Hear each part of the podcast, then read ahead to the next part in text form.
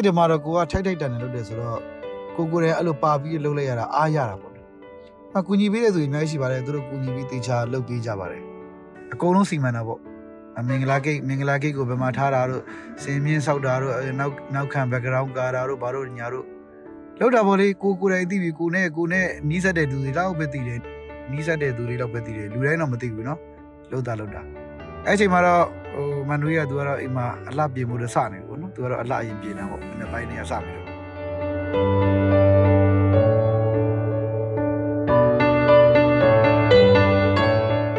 ကျွန်တော်တို့ခရိယန်ထိမ်းများလက်ထပ်မင်္ဂလာဟာတစ်ခါတည်းပဲဘုရားသခင်ခွင့်ပြုထားပါတယ်။တစ်ချိန်တစ်ခါတည်းအတွက်ပဲဖြစ်ပါတယ်။ဒါကြောင့်ကျမ်းစာထဲမှာတည်ခြင်းကလွဲပြီးတော့လူမခွဲမခွာစေနဲ့။ဒါကြောင့်ကျွန်တော်တို့အနေနဲ့ဒီနေရာမှာဒီသားနဲ့ဒီသမီးဟာ ဘဝတစ်လျှောက်လုံးတို့ကလက်တွဲရမယ်ဘဝကျင်ဖို့အဖြစ်နဲ့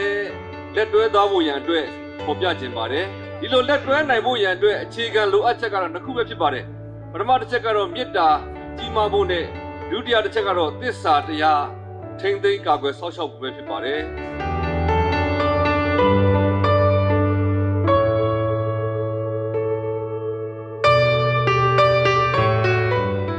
ကျမတို့10နှစ်ကြာ တက်တန်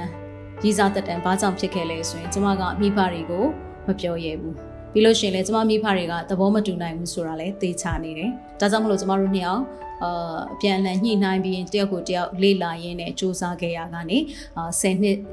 တက်တန်အတွင်းမှာကျမတို့လက်ထပ်နိုင်ဖို့အတွက်အကြောင်းဖန်လာတယ်ပေါ့နော်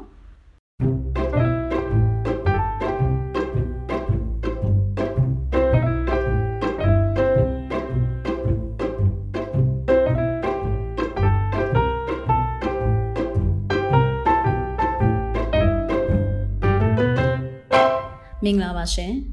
ဒီအပတ်အသစ်ထက်မှန်တင်ဆက်ပေးသွားမယ့်အစီအစဉ်တစ်ခုကတော့မင်္ဂလာရှိအောင်မင်္ဂလာဆောင်ဆိုတဲ့ခေါင်းစဉ်နဲ့မတန်ဆွမ်းလူမှုအတိုင်းဝိုင်းကမင်္ဂလာဆောင်အသီးသီးရဲ့နောက်ွယ်က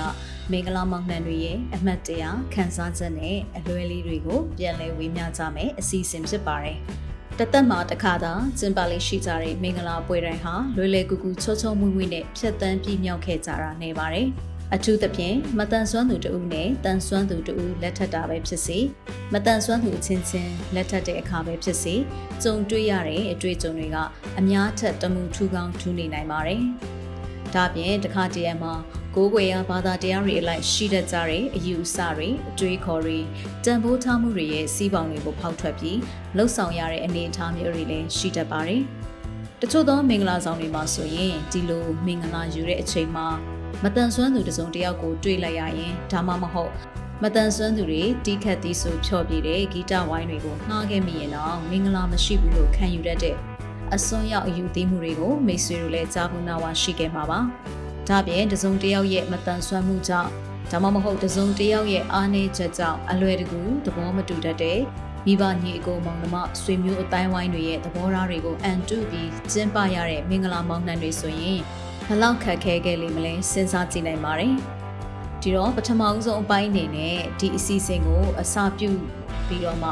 ကျမတို့တင်ဆက်ဖို့စူးစမ်းတဲ့အခါမှာတခြားသူတွေကိုတန်းပြီးတော့မှဒီအစီအစဉ်အတွက်တောင်းလိုက်လို့ရှိရင်ရုပ်တရက်မမြင်ပါဆိုလို့ပေါ့နော်ရုပ်တရက်ဘလို့ပြောရမှန်းမသိပါဆိုလို့ဒီလိုအတွေ့အကြုံတွေကျမတို့ရှိခဲ့ပြီးပြီပြီးခဲ့တဲ့မဟေသီတို့ရဲ့စကားသံမှာဆိုလို့ရှိရင်ပထမဆုံးအပိုင်းမှာပြောရတဲ့သူတွေအတွက်အမတန်ခက်ခဲတယ်ဘာလို့လဲဆိုတော့သူတို့အတွက် ကိုကလေးလာစရာမရှိတဲ့အတွက်ကြောင့်မလို့ကျမတို့ပင်တိုင်းတင်ဆက်သူနှစ်ယောက်မှာဆိုရင်လည်းဒါကိုပြေဖြိုးအောင်လူပြိုပဲရှိသေးတဲ့ခါကျတော့ဒါကျမကနေပြီးတော့မှပထမဆုံးအပိုင်းမှာကျမရဲ့ခင်မုန်းဖြစ်သူဦးအောင်ကိုမြင့်နဲ့အတူအဲကျမတို့တုန်းကပေါ့နော်ဘလို့အတွေ့အကြုံတွေတွေ့ကြုံခဲ့ရတယ်ကျမတို့ရဲ့မင်္ဂလာဆောင်နဲ့ပတ်သက်တဲ့ အာနောက်ခံအကြောင်းတရားတွေအဖြစ်အပျက်တွေအလွဲလေးတွေကိုလည်းပြောဆိုတင်ဆက်ပေးဖို့အတွက်သွားပြီးတော့စဉ်းစားမိတဲ့အတွက်ကြောင့်မလို့မိတ်ဆွေတွေကိုကျမတို့ကအခုလိုမျိုးဝေမျှတင်ဆက်ပေးရတာဖြစ်ပါတယ်။အဲ့တော့ဒီအစီအစဉ်နဲ့ပတ်သက်ပြီးတော့ကျမတို့နဲ့အတူလက်တွဲတင်ဆက်ဖို့အတွက်လည်းဧည့်သည်တင်ဆက်သူမတန်ဆွမ်းစနီးမောင်နဲ့အရွယ်ဆုံးကိုကျမတို့ရေရေမောမောပေါ့ပေါ့ပါပါဝိုင်းတော်သားတွေကချစ်ခင်လေးစားစွာနဲ့အထူးပဲဖိတ်ခေါ်လိုပါတယ်။ကျမတို့ ဖြတ်တန်းခဲ့တဲ့မင်္ဂလာဆောင်အဲ့ဒီတုန်းကတော့ကျမတို့ရိုက်ခဲ့တာအခုခေတ်လို full HD quality တွေမဟုတ်ဘူးပေါ့နော်ဒါပေမဲ့လည်းလူကြီးမင်းတို့အနေနဲ့ဘာပဲပြောပြောဗီဒီယိုလေးကိုပူးတွဲပြီးတော့ခန်းစားလိုက်တယ်ဆိုလို့ရှိရင်ဒီဗီဒီယိုထဲမှာဘယ်သူတွေပါဝင်နေလဲအဲဘယ်သူတွေကကျမတို့ရဲ့မင်္ဂလာဆောင်ကိုလာရောက်ပြီးတော့မှချီးမြှင့်တဲ့သူတွေလဲကျမတို့မင်္ဂလာဆောင်မှာကျမတို့နှစ်ယောက်ဘယ်လိုပုံစံမျိုးဖြတ်တန်းနေရလဲကျမတို့ရဲ့အတွင်းစိတ်ထဲမှာဘာတွေရှိနေလဲဘယ်လိုမျိုး background တွေကနေပြီးတော့မှကျမတို့ရဲ့ဒီမင်္ဂလာဆောင်ပွဲကိုရောက်လာဖို့အတွက်အကြော်ဖြတ်ခဲ့ရလဲဆိုတာတွေကိုမိတ်ဆွေတို့ပူးတွဲပြီးတော့မှခန်းစားနိုင်ဖို့အတွက်ကျမတို့က Telegram channel မှာကျမတို့မင်္ဂလာမှတ်တမ်းလေးကိုတင်ထားပေးပါတယ်မိတ်ဆွေတို့အနေနဲ့ချိန်ရမယ်စိတ်ဝင်စားမယ်ဆိုလို့ရှိရင်လည်းကျမတို့မင်္ဂလာမှတ်တမ်းလေးကိုလာရောက်ကြည့်ရှုအားပေးဖို့အတွက်လည်းဖိတ်ခေါ်လိုပါတယ်ရှင်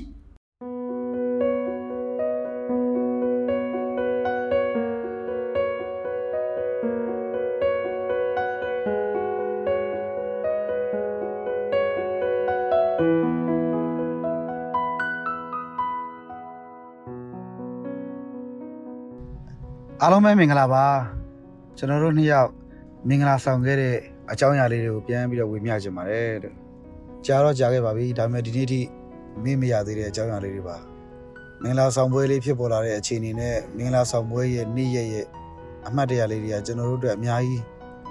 ရင်ခုန်စရာစိတ်လှုပ်ရှားစရာသင်ခန်းစာယူပွဲရာအဲစဉ်းစားဆင်ခြင်စရာလေးတွေလည်းအများကြီးတွေ့ရပါတယ်เนาะဆိုတော့ဒီအကြောင်းလေးတွေကိုကျွန်တော်ဒီနေ့ ဆွေးနွေးနဲ့ကိုယ်တိုင်ခံစားခဲ့ရတဲ့ဘဝအတွေ့အကြုံမှာရခဲ့တဲ့သင်ခန်းစာလေးတွေအလွဲလေးတွေစဉ်းစားဆင်ခြင်စရာလေးတွေကိုအားလုံးမျှဝေပေးချင်တာပါကျွန်တော်တို့နှစ်ယောက်ချစ်သူဘဝကိုရောက်လာပြီးမင်္ဂလာဆောင်တော့မယ်ဆိုပြီးတော့မှမန်နွေးကသူ့မိဘတွေကိုပြန်ပြောပြလိုက်တဲ့အချိန်မှာသူ့အဖေကတော့အဆင်ပြေပါတယ်သဘောတူပါတယ်နော်သဘောတူတယ်ဆိုတဲ့သဘောရှိပါတယ် ကျွန်တော်တို့ခရိယန်တုံးတန်းစင်လာအတိုင်းဘုရားရှိခိုးကြောင့်မှမင်္ဂလာဆောင်တဲ့ခါမှာဖခင်တွေကသမီးကိုလက်ဆွဲပြီးတော့မှမင်္ဂလာဆောင်ဖို့အတွက်ကိုအနှင်းရတဲ့အစီအစဉ်ရှိတယ်လေအဲ့ဒါအတွက်လည်းအဖေကလုပ်ပြီးမယ်ဘာဆိုဘာမှသမီးကိုအပြစ်ပြောခြင်းမရှိဘူးသမီးစိတ်ချမ်းသာတဲ့အတိုင်းစိတ်ချမ်းသာအောင်သူဆဆရလုပ်ပြီးမယ်ဆိုတဲ့သဘောလေးတွေပြောပြပါတယ်ဒါပေမဲ့အမေကတော့ထူးကြတယ် နေ့စဉ်နဲ့မြသူငိုးပြီးတော့စိတ်မကောင်းဖြစ်နေတာပေါ့နော်အမြဲနဲ့မျက်ခွက်မင်္ဂလာဆောင်ကန်နီးနေပြီကျွန်တော်အမေတွေကလည်းကျွန်တော်မေးတယ်ဟဲ့နေယူမမိမအောင်ငါတို့သွားတောင်းပြရအောင်မယ်ဘယ်လိုလုပ်ရမှာလဲဘယ်မှာတောင်းရမှာလဲဘသူ့ကိုပြောရမှာဘယ်လိုချင်းကပ်ရမှာလဲနင်တို့ကမင်္ဂလာဆောင်ဖို့ပဲစီစဉ်နေတာပဲအဲတောင်းရတဲ့ကိစ္စလည်းမလုပ်ဘူးဆိုဟုတ်တယ်ကျွန်တော်မလုပ်နိုင်သေးဘူးဖြစ်တယ်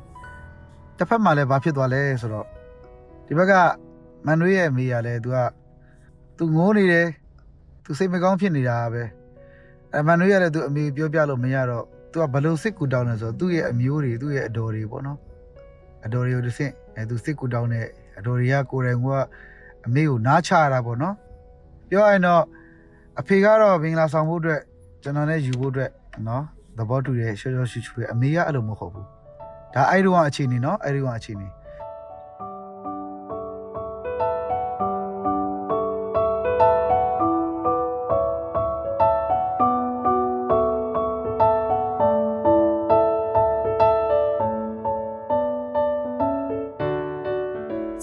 ယောက်က1996ခုနှစ်မှာစတင်မြစ်တာမျှခဲ့ပြီးတော့မှ2009ခုနှစ်မှာမင်္ဂလာဆောင်နှင်းခဲ့ကြတာဖြစ်ပါတယ်။ဒီတော့ကျမတို့ရေးစားတက်တန်းဟာကျမတို့အခုမင်္ဂလာတက်တန်းလို့ပဲနောက်ထပ်တစ်ဆရှိပါတယ်။အဲ့တော့ကျမတို့နှစ်ယောက်ကတယောက်ကိုတယောက်အတွင်းသိအစင်းသိဖြစ်တယ်။ပြီးလို့ရှိရင်ဆရာဦးအောင်ကိုမြင့်ကငကိုတော့ကဒါကျမတို့ကျမအလုပ်လုပ်ခဲ့တဲ့ Asia Star Ruby ဆိုတဲ့ဒါဆရာမကြီးကျမရဲ့ရောက်ခမဆိုရင်ဒါကျမရဲ့ဆရာမကြီးပေါ့နော် အာဒီ Asia Star Ruby ဆိုတဲ့ preschool လေးနဲ့ summer school လေးမှာကျမကတွားပြီးတော့မှ Chinese to English တို့ကိုတွားပြီးတော့မှ part time သင်ပေးတဲ့ဆရာမလေးဖြစ်နေအလုပ်လုပ်တယ်။ဆရာကိုလည်း68ခုနှစ်လောက်ကစပြီးတော့မှအချိန်ပိုင်းပေါ့နော်။တစ်ပတ်ကို3ချိန်ဆို3ချိန်အဲ့လိုမျိုးတစ်နေ့ကိုတစ်နာရီခွဲလောက်နှုံးနေကျမတွားပြီးတော့မှအဲ့ဒီခေတ်ကဆိုရင်ဆရာကဘာကိုလေ့လာနေလဲဆိုတော့ English 900ကိုလေ့လာနေတယ်။အဲ့ဒီခေတ်က dictionary တွေဖတ်ပေးရတာ English 900ကိုသူက cassette tape နဲ့နားထောင်တဲ့အချိန်မှာကျမကနေဒီဘက်ကနေလိုက်ပြီးတော့မှစလုံးပေါင်းကိုပြောပေးရတာပြီးလို့ရှင် dictionary ရှာပေးရတာသူကနေပြန်ပြီးတော့မှမျက်မမြင်လက်နှိပ်ဆက်လေးနဲ့မှတ်တာ braille တွေနဲ့မှတ်တာစသဖြင့်ပေါ့နော်ဒါမျိုးလေးတွေကိုလုပ်ဖို့အတွက်ကျမတို့စပြီးတော့မှ68ခုနှစ်လောက်တည်းကနေကျမတို့စပြီးတော့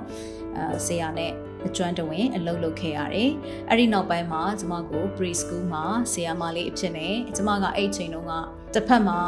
အဲမိဘတွေရဲ့သဘောဆန္ဒအရာကျမလျှက်စစ်စွမ်းဝင်ကြီးဌာနမှာဝန်ထမ်းအဖြစ်နဲ့လုပ်နေစဉ်ကာလမှာလွတ်တဲ့အချိန်လေးမှာကျမက study guide အနေနဲ့လည်းဆယ်တန်းကျောင်းသားတွေကိုစာသင်ပေးတယ်။16နှစ်အရွယ်တွေကကျမက study guide လုပ်လာတဲ့အတွက်စာသင်ခြင်းဟာကျမရဲ့ professional တစ်ခုဖြစ်လာတယ်။ ဆရာနဲ့တွေ့တဲ့အချိန်မှာဒါကျမကိုသူတို့ရဲ့မူကြိုမှာ summer school မှာအင်္ဂလိပ်စာသင်ပေးဖို့တရုတ်စာပေါ့အဲ့ဒီတော့ကကျမက Chinese ကိုလည်းဒီ Confucius ပုံချောင်းမှာတွားပြီးတော့သင်နေတဲ့ကာလဖြစ်နေတဲ့ခါကျတော့ကလေးတွေကိုပြန်ပြီးတော့မှ Chinese အာ vocabulary လေးတွေသင်ပေးဖို့ဝှေ့ဟွာပေါ့နော်ဒီစကားပြောလေးတွေသင်ပေးဖို့ဆရာတို့ကန်လှန်ချက်အရကျမကဝန်ထမ်းဖြစ်လုပ်ခဲ့ရတဲ့အတွက်ဆရာကကျမတို့ရဲ့ အကြောင်းအုပ်ဆိုလည်းမမှားဘူးပေါ့နော်မိခင်ကစင်ကူနိုင်ငံမှာရှိနေတဲ့အချိန်မှာဆရာကဒီဘက်မှာရှိနေတဲ့မိသားစု business ဖြစ်တဲ့အကြောင်းကိုလည်းအုပ်ဆိုးရတာဖြစ်တယ်အဲ့တော့ဒီအကြောင်းမှာဆိုရင်ဆရာမလေးတွေကဖြန်းမြအားဖြင့်ဆိုလို့ရှိရင်အဲ10ယောက်နဲ့အဲ12ယောက်လောက်ဝန်းကျင်မှာအမြဲတမ်းလေပတ်နေတယ်ပေါ့နော်နေရာဒီဆိုလို့ရှိရင်ဆီယာမတွေထပ်ခေါ်ရတာမျိုးတွေရှိတယ်ကျမတို့တွေဒီလိုပုံစံမျိုးလုပ်ခဲ့ရတာပေါ့ ဒီနေ့ဒီချိန်မှာဆိုရင်တော့ကျမတို့သင်ပေးခဲ့တဲ့ကလေးတွေကဆရာဝန်ဖြစ်တဲ့သူတွေသူတေသနာပညာရှင်ဖြစ်တဲ့သူတွေစသဖြင့်ပေါ့နော်ပုံစံမျိုးစုံနဲ့အဲကျမတက်တန်းတစ်လျှောက်မှာသင်ပေးခဲ့တဲ့လူငယ်တွေကဒီနေ့ဒီချိန်မှာဆိုလို့ရှိရင်အရန်ကိုအောင်မြင်နေကြတဲ့သူအတိုင်းဝိုင်းနဲ့သူအောင်မြင်နေကြတဲ့ပုံကိုယ်တွေဖြစ်နေကြပြီပေါ့နော်ဒါကတော့ကျမတို့နှစ်ယောက်စုံတွေ့မှုရဲ့အခင်းကျင်းလေးပေါ့နော်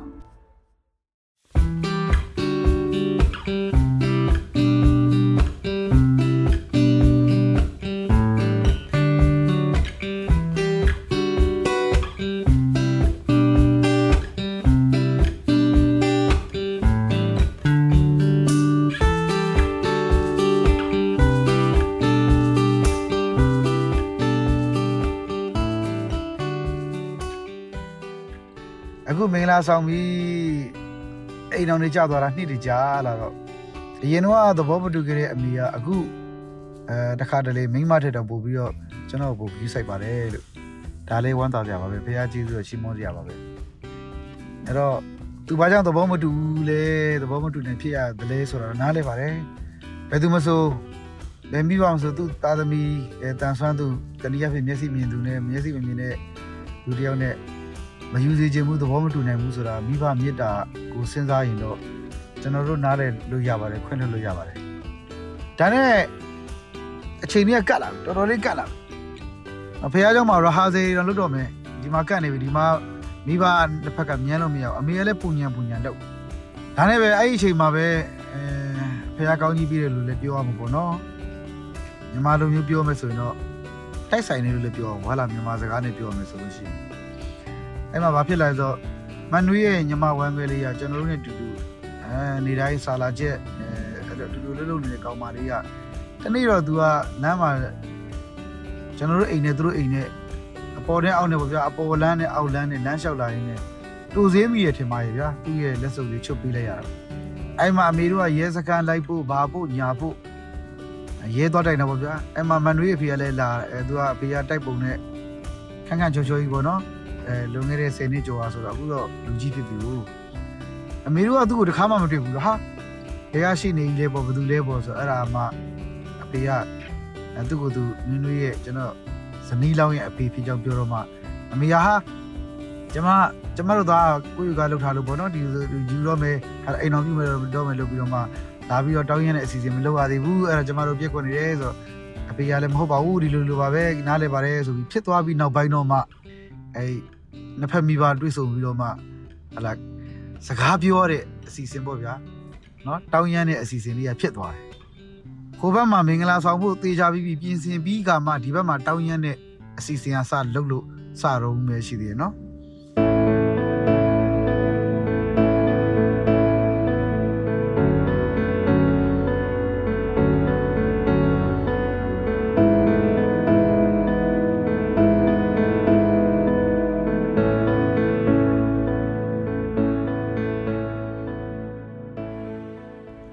မယ်ဆိုရင်တော့ယူရှင်ပါတယ်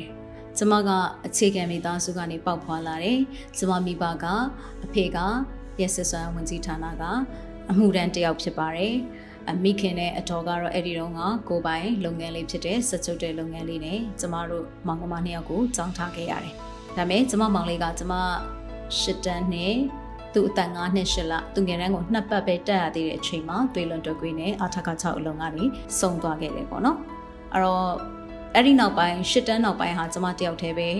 ရှိတော့တယ်အမေလည်းသားသမီးထပ်မယူနိုင်တော့တဲ့အနေအထားဖြစ်သွားပြီဆိုတဲ့ခါကျတော့ကျမကတူသေးတော့သမီးလိုပဲမိသားစုရဲ့တာဝန်တွေကိုလည်းပခုံးပေါ်ထမ်းရင်းနဲ့ရုန်းကန်ရတဲ့သူဖြစ်တယ်ဒါကြောင့်ကျမ16နှစ်တည်းက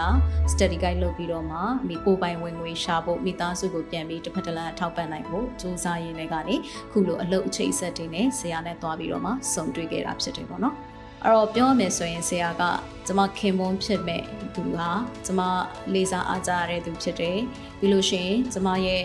အာခြေလှမ်းတိုင်းကိုဆုံးမပစ်ပြင်နိုင်တဲ့အစွမ်းအစားရှိတယ်ပြီးလို့ရှိရင်ကျမကငကိုယ်တော့ကတော့အကိုတယောက်လိုပဲကျမကောင်းတိုင်ပင်ဆိုးတိုင်ပင်ဆရာပေါ်မှာတိုင်ပင်ခဲ့တယ်အဲဒီလိုနဲ့ပဲကျမတို့နှစ်ယောက်ကမြစ်တာမျှခဲ့တယ်ဆရာဂျပန်ကို scholar သွားတဲ့အချိန်မှာကျမတို့နှစ်ယောက်ကမြစ်တာမျှနေပြီဖြစ်တယ်ဒီကနေပဲကျမတို့10နှစ်ကြာ တက်တန်ရည်စားတက်တန်ဘာကြောင့်ဖြစ်ခဲ့လဲဆိုရင်ကျမကမိဘတွေကိုမပြောရဘူးပြီးလို့ရှိရင်လည်းကျမမိဖတွေကသဘောမတူနိုင်ဘူးဆိုတာလည်းသိချနေတယ်။ဒါကြောင့်မလို့ကျမတို့နှစ်ယောက်အာပြန်လည်ညှိနှိုင်းပြီးတယောက်ကိုတယောက်လေ့လာရင်းနဲ့စူးစမ်းခဲ့ရကနေအာ10နှစ်သက်တမ်းအတွင်းမှာကျမတို့လက်ထပ်နိုင်ဖို့အတွက်အကြောင်းဖန်လာတယ်ပေါ့နော်။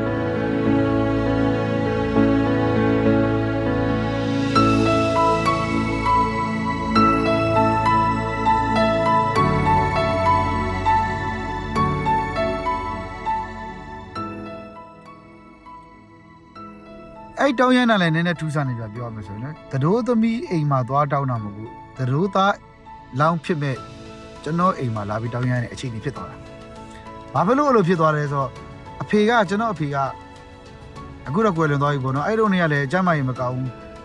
မန်နွေးတို့အဖေမိနေတဲ့အိမ်ဘော်တက်ကိုမတက်နိုင်ဘူးတကယ်လို့အဲ့ကိုလာမယ်ဆိုရင်ဖြည်းဖြည်းတော့မလိုက်လာနိုင်ဘူးဆိုတဲ့ခါကျတော့မန်နွေးရဲ့အဖေနဲ့အမေကလာရှာပါတယ်ဒီအိမ်ကိုလာရှာပြီးတော့တကားတွေကြိုးကြတောင်းညအဲ့ဒါနဲ့ဖြစ်ပြီးတော့မှ အဆင်ပြေသွားတယ်ပေါ့ဗျာမင်္ဂလာဆောင်လေးပေါင်းဖို့တို့ကိုဖြစ်သွားတယ်ပေါ့နော်ဆိုဒါလေးကတော့မင်္ဂလာမဆောင်ခင်ကြုံတွေ့ရတဲ့အခြေအနေတွေကအနည်းချုပ်ပါဒီမှာဘာသင်ခန်းစာရလဲဆိုတဲ့ခါကျတော့သမီးဖြစ်တဲ့လူကလည်းအမေကိုဟိုးအစောကြီးကမပြောနိုင်ဘူးအစောကြီးကမပြောခဲ့ဘူးအမေကလည်းဘာပဲပြောပြောသမီးလေးတယောက်တည်းတူရီသောသမီးကိုဗျတူရီသောသမီးလေးဖြစ်သွားတာပေါ့နော် သူ့မောင်လေးကငငယ်နဲ့ဆုံးသွားတယ်ဆိုတော့အဲ့တော့သဘောမတူနိုင်ဘူးပေါ့နော်ကျွန်တော်တို့ကတော့သင်ခန်းစာသားသမီးချင်းကိုချင်းစာတဲ့ကိုချင်းစာမှုတရားနဲ့သမီးကသမီးကိုအမိကချစ်တဲ့အချစ်မြတ်တာဒါပေမဲ့သမီးကလူတွေလုတ်ပြီးတော့မဟာလာအတော်တွေနဲ့အားလုံးနဲ့တောင်းပန်လိုက်တဲ့ကိစ္စနောက်ပြီးတော့ဂျားတွေကမက်ဆီမဆိုင်တဲ့ညမငယ်လေးတယောက်ကလက်စုပ်လေးကြောက်ပြီးတော့မှအမေတို့နဲ့ရဲစခန်းမှာစုံပြီးတော့မှနောက်ဆုံးအဖေကနေပြီးတော့အမေကိုပြောလိုက်တယ်ထင်ပါတယ်နောက်ဆုံး အမေကသတို့သားအိမ်လာပြီးတော့တောင်းရမ်းတဲ့အစီအစဉ်လုပ်ရတဲ့ကိစ္စဒီလိုကိစ္စလေးတွေဖြစ်သွားတော့ဘုရားသခင်စီစဉ်တယ်လို့လည်းပြောလို့ရပါတယ်တိုက်ဆိုင်မှုလို့လည်းပြောလို့ရပါတယ်သူ့အချိန်တန်တော့သူဖြစ်တယ်လို့လည်းပြောလို့ရပါတယ်ဘယ်လိုပဲဖြစ်ဖြစ်ကျွန်တော်တို့သားသမီးတွေကတော့မိဘတွေအပေါ်မှာကိုလှုပ်ချင်တာကိုကိုလှုပ်တယ်ဆိုပေမဲ့ရရဆက်ဆက်တော့မလုပ်သင့်ဘူးဆိုတဲ့သင်ခန်းစာမျိုးလေးတော့ရပါတယ်မိဘတွေကတော့အတန်းနေဆုံးတော့သူ့တာဝန်သူကြည်ကြတယ်ဆိုတဲ့သင်ခန်းစာနဲ့ ကျွန်တော်တို့တွေလူကြီးဖြစ်လာရင်လည်းကျွန်တော်တို့တွေမိဘနေရာရောက်လာပြီဆိုရင်လည်းသားသမီးတွေပေါ်မှာနားလည်ခွင့်နိုင်တဲ့စိတ်နှလုံးသားသားတွေရှိနိုင်ဖို့လိုတာပေါ့နော်ကိုယ်အလေတုန်းကသူ့ကိုခွင့်လို့သူ့အလေတုန်းကကိုယ်ကိုခွင့်လို့ခဲ့ရင်ကိုယ်အလေကြရင်လည်းသူတို့တွေကိုခွင့်လို့ရမယ်ဆိုတဲ့ကျေးဇူးအတုပ်ပြန်သဘောတဘာဝနဲ့ကျွန်တော်တို့စာနာနားလည်မှုတွေပြီးတတ်ဖို့လိုပါတယ်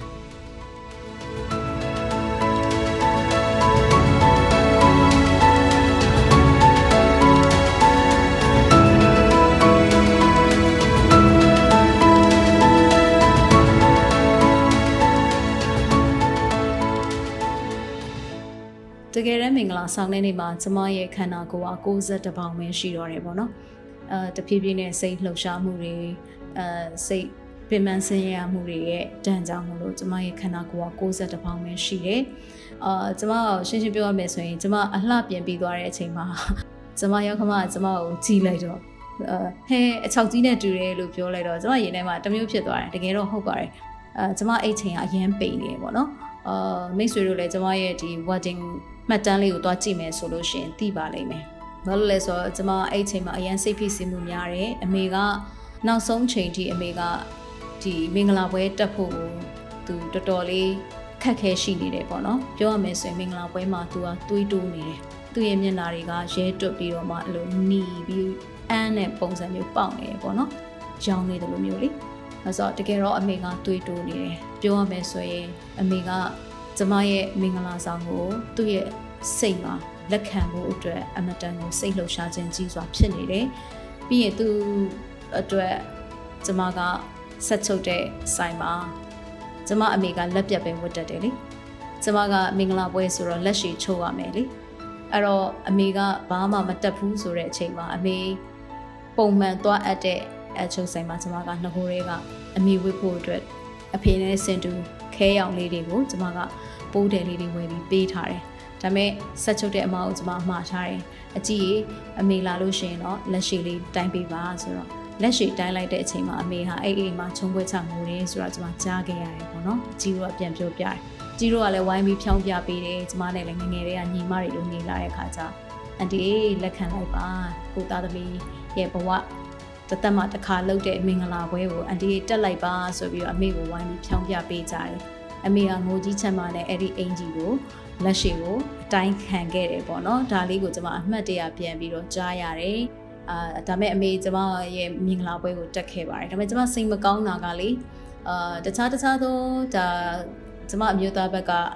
အဲမင်္ဂလာပွဲတွေညီကောင်မောင်နှမတွေရဲ့မင်္ဂလာပွဲတွေကိုကြည့်မယ်ဆိုရင် နှစ်ဖက်မိဘကလေအမြဲတမ်းစင်တူလေးတွေဝတ်ကြတယ်ခုခေတ်ကလည်း faction ပေါ့နော်နှစ်ဖက်မိဘကအမြဲတမ်းစင်တူလေးတွေဝတ်ပြီး color တူလေးတွေ design တူလေးတွေဝတ်ပြီးတော့မှအဲ့ခံကြတာကိုကျွန်မအရင်သဘောကျတယ်ပေါ့ဒါပေမဲ့ကျမစိတ်ထဲမကောင်းတာကကျမတို့အိတ်တုံးကနှစ်ဖက်မိဘကိုစင်တူလေးတောင်မှမစင်နိုင်ခဲ့ဘူးပေါ့နော်အမျိုးသားရဲ့မိဖတွေကလည်းသူတို့နှစ်ယောက်လိုက်ဖက်တာလေးတွေသူတို့ဝတ်ကြတယ်ကျမရဲ့မိဖတွေကိုလည်းကျမကဒီခဲရောင်လေးကိုပဲစင်နိုင်တယ်ပေါ့နော်အဲ့တော့တခါလေးမှသွားစဉ်းစားပြီးနောက် တစ်ခါမြန်မင်္ဂလာဆောင်ခွင့်ရှိမယ်ဆိုရင်နှစ်ဖက်မိဘကိုကျမဟိုစင်တူလေးစင်ပေးစင်လိုက်တာဆိုတော့စိတ်မျိုးဖြစ်ခဲ့တယ်ပေါ့နော်ဒါပေမဲ့ခုချိန်မှာတော့ကျမရဲ့ရောက်ကတိဖြစ်တဲ့အဖေဦးမြင့်ကဆုံးပါသွားပြီဖြစ်တယ်ပေါ့နော်ကျမရဲ့အိမ်မက်တွေကတော့ဟိုနောက်တစ်ချိန်မင်္ဂလာဆောင်ဖို့ပြန်ပြီးတော့မှ anniversary လုပ်ဖို့ဆိုတာကဒါဟိုလူမစုံတော့ဘူးပေါ့နော်ကျမရောက်ကမှဒီမိခင်ဆိုလို့ရှိရင်လည်းမိခင်တော်စီစီလွင်ဆိုလို့ရှိရင်လည်းဒါ လောလောဆယ်နိုင်ငံခြားမှာတွားပြီးတော့မှနေနေတဲ့အချိန်ဖြစ်သွားပြီဆိုတော့ဒါလေးကိုကျွန်မတွားပြီးတော့မှတတိယလို့ဒီအကြောင်းအရာလေးကိုဝင်ညတာပါလို့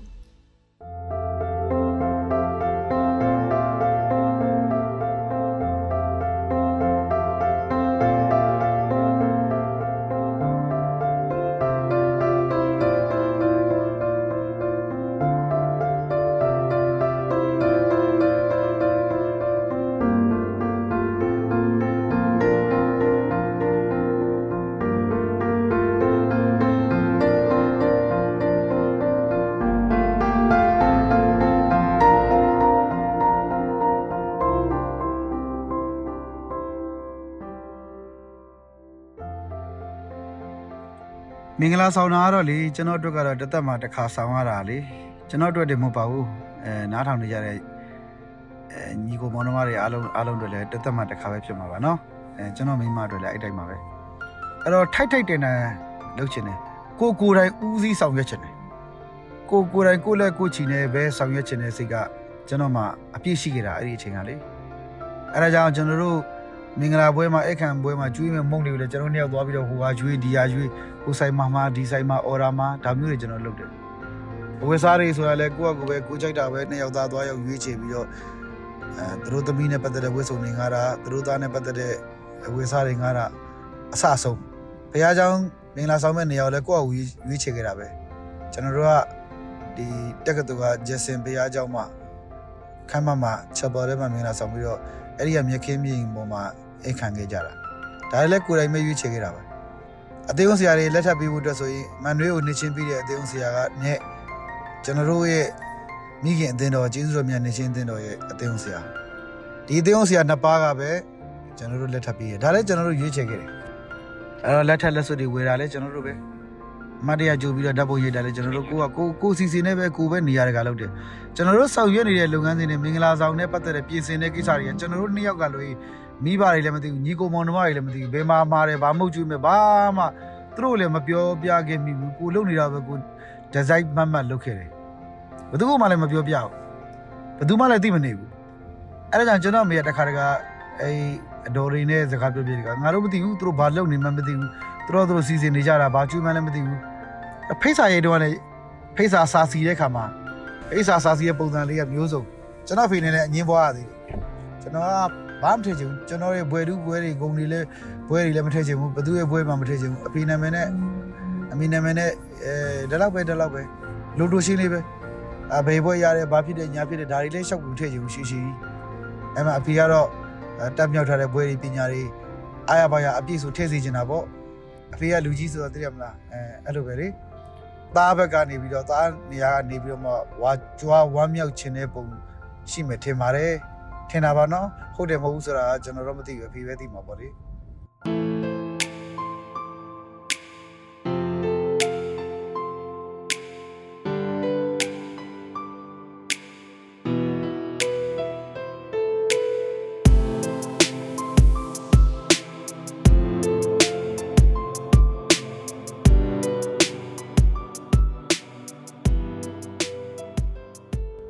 တော့ဒီနေ့ဒီအချိန်မှာကျမတို့ဒီ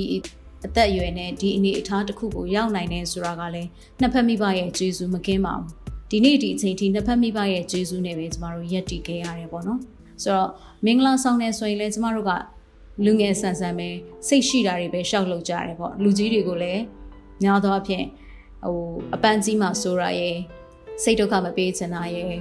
ကိုဒုကိုကျွန်တော်လုံးကြည့်ကြမယ်ဆိုရဲစိတ်နဲ့ကျမတို့မင်္ဂလာဆောင်ကိုကျမတို့နှစ်ယောက်ကထင်တိုင်းကျဲပြီးတော့ဟောကျမတို့မိတ်ဆွေတွေကိုလည်းကျမတို့ကြိုက်တဲ့မုံတွေပဲစားစေချင်တယ်ဆိုပြီးတော့မုံတွေကိုတစ်ဆိုင်တစ်ခုလိုက်မှာတာမျိုးတွေပေါ့နော်ကျမတို့ဟိုဘယုတ်ဒုက္ခလုပ်ခဲ့ကြတာပေါ့အာပြီးလို့ရှိရင်လည်းကျမမျက်ခင်းမြင်မှာပဲစောင့်ချင်တယ်ဆိုတော့ကျမရဲ့ dreams လေးကိုကျမအမျိုးသားဖြည့်စည်းတော့အိုးငားလိုက်ရတဲ့ဇွန်းတွေဇွန်းကအစ ဒီ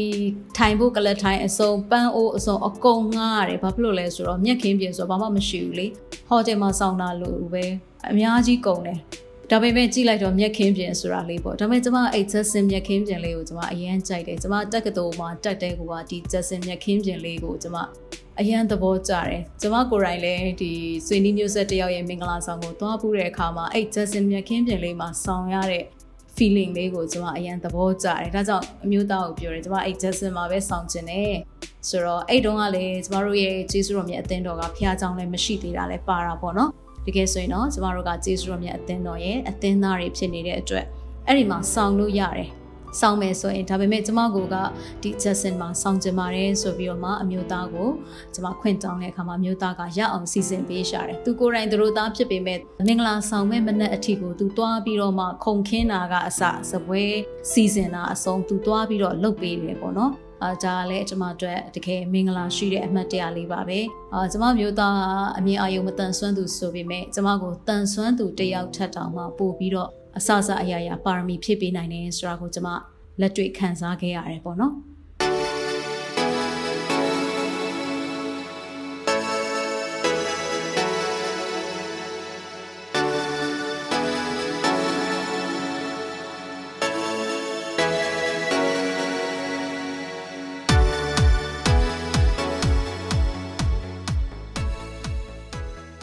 ဘယ်သူမှလည်းအကူအညီတောင်းရမှန်း အဲအကူအညီတောင်းရမယ်ဆိုတော့အကူအညီတောင်းတင်တယ်ဆိုတော့ကောင်းကောင်းနားမလဲဘူးပေါ့နော်တကယ်တော့အကူအညီတောင်းရင်လုပ်ပြီးကြတဲ့သူတွေအများကြီးရှိပါတယ်အကူအညီမတောင်းရင်အတင်းလုပ်ပြီးကြတဲ့အသင်းတော်ကလူကြီးတွေလည်းလူကြီးတွေဆရာဆရာမတွေရှိတယ်နောက်တစ်ခုကလုပ်ဖို့ဆောင်ဘတ်တွေရှိတယ်ဆမင်္ဂလာဆောင်မဲ့နေ့ရက်ကိုရောက်လာတယ်အဲ့ဒီနေ့မနေ့မှာကျွန်တော်ဂျက်စင်ဖះเจ้าကမြက်ခင်းမှာအစားအသောက်တွေကျွေးဖို့တော့အဲ့ခံဖို့တော့နေရာပြင်ဆင်ရတယ် အဲ့ဒါလည်းကျွန်တော်မနေ့အစောကြီးထားပြီးတော့မှ ကူညီတဲ့သူတွေနဲ့သွားပြီးလိုက်ကြည့်တယ်ကိုကိုယ်တိုင်ဇပွဲတွေလိုက်ခင်းအဲ့မှာငားထားတဲ့ဇပွဲရှိတမိုင်းနှန်းစုံမှာအဲ့ရနေငားတာငားတဲ့ကားတွေရောက်လာဖို့အတွက်ချိတ်ဆက်ပြီးတယ်ကိုကိုယ်တိုင်သွားရောက်ခင်းဘလို့ခင်းဒီလိုခင်းဟိုလိုခင်းဒီလိုခင်းဆိုဆရာလောက်တာပေါ့လေပြောချင်တာအဲ့တော့အဲ့ကဂျက်ဆင်ဖျားရှိကိုကြောင့်အသေးအောင်ဆရာဆရာတော်ကြီးကအာသူတို့သားလာဘလို့ဖြစ်တယ်လဲဘာလို့နေရာတကာပါနေရလဲအဲကိုယ့်ကိုအိမ်မှာတိတ်တိတ်နေလေဆိုပြီးတော့သူကလာပြီးတော့ပြောပြတယ်ကိုယ်စိတ်ထဲမှာတော့ကိုကထိုက်ထိုက်တန်တယ်လုပ်တယ်ဆိုတော့ ကိုကိုယ်တိုင်အဲ့လိုပါပြီးလုပ်လိုက်ရတာအားရတာပေါ့။အကူညီပေးတဲ့သူတွေအများကြီးရှိပါတယ်သူတို့ကူညီပြီးတေချာလုပ်ပေးကြပါတယ်။အကုန်လုံးစီမံတာပေါ့။အမင်္ဂလာကိတ်မင်္ဂလာကိတ်ကိုဘယ်မှာထားတာတို့စင်မြင့်ဆောက်တာတို့နောက်နောက်ခံ background ကာတာတို့ဘာတို့ညာတို့လောက်တာပေါ့လေကိုကိုယ်တိုင်သိပြီကိုနဲ့ကိုနဲ့နီးစပ်တဲ့သူတွေလောက်ပဲသိတယ်နီးစပ်တဲ့သူတွေလောက်ပဲသိတယ်လူတိုင်းတော့မသိဘူးเนาะလောက်တာလောက်တာအဲ့အချိန်မှာတော့ဟိုမန်နူရီကသူကတော့အိမ်မှာအလှပြင်မှုတော့စနေပြီပေါ့နော်သူကတော့အလှအရင်ပြင်တာပေါ့မနေ့ပိုင်းနေကစပြီးတော့ ပြင်တာလဲသူတငယ်ချင်းတွေပဲပြင်တာပါအဲ့ရတငယ်ချင်းတွေနဲ့ပဲဝိုင်းပြင်နေကြညညာကိုကတော့ AC ပဲယောက်ျားလေးဆိုအဲ့လိုလေးပြင်စရာလည်းမလိုဘူးအဲ့ပြင်စရာမလိုအဲ့တော့နဲ့မင်္ဂလာဆောင်မဲ့အချိန်ညနေပိုင်းတော့ရောက်လာပြီပေါ့လေရောက်လာပြီးတော့တော့ဘုရားကျောင်းသွားတော့ပေါ့ဘုရားကျောင်းကျွန်တော်တို့သွားတာသွားတဲ့ခါမှာဟိုဘက်ကကူညီပေးမဲ့ဆရာမရှိတယ်အဲ့ဒါဒီမင်္ဂလာလက်စုပ်ကိုကိုင်မဲ့ကလေးတွေအတွက်အဲ့ဒါဆရာမစီကလက်စုပ်ကမရောက်သေးဘူးဖြစ်တယ်ကျွန်တော်တို့ကားနဲ့ထွက်ပြီးတော့အသိအောင်ဆရာတွေကမိတယ်ဗမာလဲမင်္ဂလာလက်စုပ်တွေဗမာလဲ နော်လိုအပ်တဲ့ပစ္စည်းတွေဗမာလဲဆိုဟာသူတို့သားလောင်းစီမှာဆိုပြီးသူတို့စီမှာမရသေးဘူးဆိုပြီးတော့စိုးရင်ရတယ်နဲ့စိတ်တွေပူပြီးတော့သူတို့သားလောင်းကအဲစောစောရောက်ဖို့လာတာကျွန်တော်ကစောစောမရောက်ချင်ဘူးအသိအကြာကြီးဘုရားကျောင်းမှာအဲမတ်တက်ရပြီးရက်ပြီးတော့သူတို့သမီးကိုစောင့်နေရမှာကြာမှာဆိုတာတကြောင်ပေါ့နော်ဒါဆိုရင်ကျွန်တော်ရောက်မလားအဓိကသူတို့သမီးနဲ့သူတို့သားတွေကကားတစ်စီးလေးပဲလာတာတစ်စီးလေးပဲလာတယ်ကိုကစောစောစီးမလာထားလိုက်ဘူးတစ်စီးလာပြီးကိုကကိုအရင်ဝင်လိုက်တာပေါ့နော်သူကနောက်မှသက်သက်ဝင်တဲ့သဘောပေါ့ဆိုတော့ဟာ ဆောင်းမဲ့အချိန်နဲ့ရောက်ရောက်တော့မယ်သူတို့သားလောင်းစောစောစီးရောက်အောင်မရောက်လာသေးဘူးလားအသေးအောင်ဆရာတော်တွေကစိတ်ပူကြတယ်ဒါကလက်ထက်လက်ဆုပ်ကလည်းဗမာလဲဆိုပြီးတော့ဆရာမကတခါအတင်းလိုက်တောင်းပြီးတော့မှတေချာလုပ်ရတယ်အဲ့အချိန်ကြီးကျွန်တော်မပေးရသေးဘူးကိုယ့်လက်ထက်မှာပဲတင်ထားနေတာအမှန်တော့တယောက်တည်းလိုက်လိုက်လုတ်တော့လွတ်လာတာပေါ့လွတ်လာတာပေါ့နော်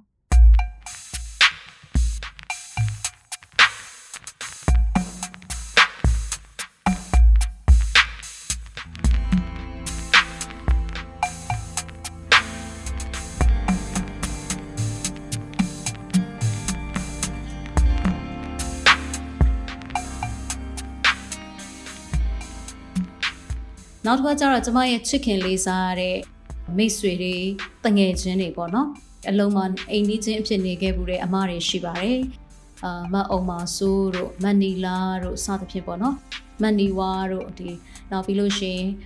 မမငယ်ပေါ့နော်အကြည့်ငယ်တို့ခေါ်ကြတယ်ဒီလိုမျိုးဒီအမတွေဆိုလို့ရှိရင်ကျမရဲ့ဒီပန်းအတွက်ပေါ့နော်ကျမလိုချင်တဲ့ပန်းတွေကိုသူတို့ရဖို့အတွက်ဒီမြက်ခင်းပြင်မှာဘာမှမရှိတဲ့မြက်ခင်းပြင်ကြီးမှာ ကျမကပန်းနဲ့ဒီမုတ်ဦးလေးလှုပ်ချင်တယ်ဆိုတော့ဒီအမတွေကလေခုဟိုခါချင်းနေပါတယ်အကြိုက်ခံပြီးတော့မှဒီမုတ်ဦးလေးမှာတစားဆင်ဖို့အတွက်အရွက်တွေပန်းတွေအကုန်စီစဉ်ပေးခဲ့ကြတယ်ပေါ့နော်ပြီးလို့ရှိရင်ကျမကအာရင်ထိုးပန်းဆိုလို့ရှိရင်လေ ခရမ်းရောင်လေးနဲ့အဖြူလေးနဲ့ပဲတွဲကျင်တယ်ဆိုအဲ့ခရမ်းရောင်ပန်းချောက်ကိုမရမကလိုက်ရှာပြီးတော့မှသူတို့ဝယ်ပေးကြတယ်ဒီလိုမျိုးတွေကျမကိုနောက်ွယ်ရနေပါရမီဖြည့်ပေးကြတဲ့အမားတွေကိုလည်းတကယ်ပဲကျေးဇူးတင်တယ်နောက်ကျမရဲ့အချစ်ဆုံးတငယ်ချင်းတွေပေါ့နော်ချစ်ဆုံးတငယ်ချင်းတွေတချို့ကကိုယ်တိုင်လာပြီးတော့မှချီးမြှင့်ပေးကြတယ်အိမ်အထိလာပြီးတော့မှအခုလုတ်ပေးကြတဲ့တငယ်ချင်းတွေရှိတယ်အထူးသဖြင့်မတ်ဆွေစင်ဆိုးတို့နော်မတ် ခိုင်စာငိမ့်တို့ဆိုကျမကိုခေါင်းဝင်လိုက်မပေးကြတယ်ကျမအရင်အားနာတယ်တငယ်ချင်းတွေကိုလေအာဟိုအဲ့လိုမျိုးကြီးနောက်ကလိုက်မရအောင်လဲကျမခေါင်းဝင်အရှိကြီးတော့မဟုတ်ဘူးဒါပေမဲ့ခေါင်းဝင်ဆိုင်ကျမကိုမှားလိုက်တယ်လေစွန်းထင်းတာပြေးဆုပ်သွားတာရှင်ရောရမယ်ဆိုတော့ကျမမှလည်းအဲ့ဒီ tension ကရှိတယ်ပေါ့ခေါင်းဝင်ကအဖြူရောင်ဖြစ်တဲ့အခါမှာအာဒါကြီးဆုပ်သွားရင်ပြေးသွားရင် ပေသွားရင်ပြန်လျှော်လို့အဆင်မပြေရင်ဒုက္ခပဲဆိုတဲ့ဟာမျိုးနဲ့သူတို့ကလည်းကျမကိုထတ်တူစိတ်ပူပြီးတော့မှကျမကာဝင်နေဘူးဘုရားကျောင်းအဝင်ထွက်တူပါလို့ဆိုသူတို့လိုက်မပေးကြရဲပေါ့နော်ဒါပေမဲ့တကယ်တမ်းကျမတို့အဲ့ခံတဲ့အခါကျတော့ကျမကသူတို့နှစ်ယောက်ကကျမတို့သွားတဲ့နောက်ကိုတောက်လျှောက်လိုက်မပေးနေရတာအများအမြင်မှမသိတော့ဘူးလို့ခံစားရတဲ့အတွက်ဒီကဝင်ကြီးကိုကျမက လက်တစ်ဖက်မှာသရိုးသားကိုလက်ချိတ်တယ်လို့ပဲခေါဝင်ကြီးကိုလက်ချိတ်ရတယ်သရိုးသားကိုလည်းကင်ရသေးတယ်ပေါ့နော်ကင်တဲ့အခါမှာလည်းနှစ်ယောက်စာကြည့်ပြီးတော့လမ်းလျှောက်ရတယ်ကျမမျိုးသားကအများကြီးမတန်ဆွမ်းသူဖြစ်တဲ့အတွက်ဒီမြက်ခင်းပြင်မှာလည်းညီညာတဲ့နေရာရှိသလိုမညီညာတဲ့နေရာတွေရှိတယ်လေပြီးလို့ရှိရင်အဲ့တော့ကျမရဲ့လှုပ်ဆောင်မှုမှန်သမျှကိုအမြဲတမ်းလိုက်ပြီးတော့မှပါရမီဖြည့်ပေးကြတဲ့တငယ်ချင်းတွေရှိတယ်လာပြီးတော့မှချီးမြှင့်ပေးကြတဲ့သူတွေရှိတယ်ပေါ့နော်သူတို့ကိုလည်းကျမအထူးပဲကျေးဇူးတင်တယ် နောက်တစ်ခုကျတော့နှစ်ဖက်ဆွေမျိုးဆိုရင်ကျမကပြောမယ်ဆိုရင်မင်္ဂလာဆောင်ဖိတ်စာရာနဲ့ချီပြီးတော့ရိုက်ကြပေးမယ်လို့ကျမဖိတ်စာအစိတ်ပဲယူတယ်။ဘာဖြစ်လို့လဲဆိုတော့ကျမ close ဖြစ်တဲ့လူတွေပေါ့နော်။အာဆွေနီးမျိုးဆက်တွေပြီးလို့ရှိရင်တငယ်ချင်းဆိုလဲဟိုအများကြီးကိုရှောက်မဖိတ်ဖဲနဲ့ကျမ selection လေးပဲပေါ့နော်။ကျမဖိတ်တဲ့တငယ်ချင်းကလက်ဆယ်ချောင်းတော့မပြည့်ပါဘူး။ အာဒီလိုမျိုးနဲ့ကျွန်မပြီးလို့ရှိရင်အဲ့တုန်းကကျွန်မ online မှာကြပြရေးတယ်ဆိုတော့ online ကကြပြအတိုင်းဝိုင်းကမိတ်ဆွေတွေကိုဖိတ်တယ်ဒီလောက်ပါပဲတချို့ဆိုရင်ဖိတ်စာတော့လှမ်းမပို့ရပါဘူး online ကနေဖိတ်စာလေး scan ဖတ်ပြီးတော့ပို့လိုက်တယ်ဆိုတာနဲ့သူတို့ကိုယ်တိုင်လာပြီးချီးမြှင့်ကြတယ်ပေါ့နော်ဆိုတော့ကျွန်မဘက်ကမိတ်နေပါတယ်အများဆုံးကတော့ကျွန်မရောက်ခမဘက်ကမိတ်များတယ်အာပြီးလို့ရှိရင်သူတို့ကအဲကြောင်းဖွင့်ထားတဲ့အတွက်တပည့်မိတ်တွေလည်းများတယ်ပေါ့နော်ဒီလိုပုံစံမျိုးနဲ့ပြီးလို့ရှိရင် ပြီးတော့ကျမရောက်ခမဘက်ကမိတ်တွေကဒီအဖခင်ဘက်ကဆိုလို့ရှိရင်လည်းဒါဟိုတော့ကမြန်မာအာမခံလုပ်ငန်းမှာလုပ်ခဲ့တဲ့အတွက်မြန်မာအာမခံလုပ်ငန်းဘက်ကမိတ်ဆွေတွေပြီးလို့ရှိရင်ဒီစင်ကာပူနဲ့ပတ်သက်ပြီးတော့မှဟိုတည်လာတဲ့မိတ်ဆွေတွေပြီးလို့ရှိရင်ဒီရွှေမင်းဝေါ်ငါအကြောင်းမကြီးတွေစသဖြင့်အမျိုးသားရဲ့မိခင်နဲ့ဖခင်ဘက်ကမိတ်တွေကပိုများတယ်ပေါ့ကျမဘက်ကတော့ကျမကြီးတော့တယောက်ကဟိုဆွေနီးမျိုးဆက်တဲကဟို ပါသိတဲ့လူတွေမှန်သမျှသူဖိတ်ပေးတယ်ပေါ့နော်အဲ့ဒီလိုမျိုးနဲ့ပဲကျမကဒီမင်္ဂလာဆောင်ကိုဖြစ်တန်းရတာပါ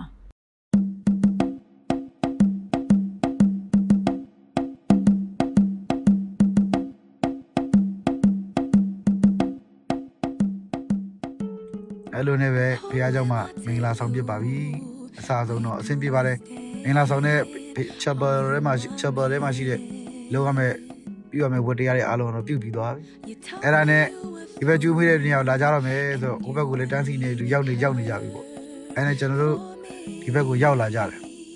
ရောက်လာကြတော့အာကျွန်တော်တို့ကတွဲပြီးဝင်လာတဲ့ခါကျတော့ဒီဘက်ကသဘာဝတိလုပ်တဲ့ဆရာကအားလုံးအချက်ပေးတဲ့တို့တို့မတ်တရက်ပြီးတော့ဝမ်းမြောက်ကြောင်ပြတာပေါ့ဗျာအဲတချို့ကြတော့မှအစားအသောက်တွေစားနေပြီဆိုမြင်တော့အမှန်တွေဟာတချို့စားနေကြပြီဘောဒါသူတို့က အဲဒလီတုံးနာမသိဘူးစားတာစားပြီဘောလေးဘာဖြစ်လဲစားရတယ်စားတာပဲပြီးရင်စားမှာပဲဘောလေးဆိုပြီးတော့အဲသူပွားစီပွားစီနေပေါ့နော်ပွားစီပွားစီနေပြောပြီးကျွန်တော်တို့ရောက်လာကြရလာတော့အဲ့မှာလည်းအခမ်းအနားစီစဉ်လေးစားတာပေါ့လေကျေးဇူးတင်စကားတွေပဲပြောပြောတာပေါ့ကျေးဇူးတင်စကားတွေပြောတာပေါ့အဲ့မှာဗာမင်္ဂလာကိတ်ခွဲဖို့အချိန်ကြီးမတ်မတ်ရပြစ်လာအမင်္ဂလာဂိတ်ခွဲပဲဆိုတော့ခွဲပြီးမဲ့ဆရာဇုံတွေကရောက်လာခက်တာမင်္ဂလာဂိတ်ခွဲကနီးမှာခွဲမဲ့ဓာတ်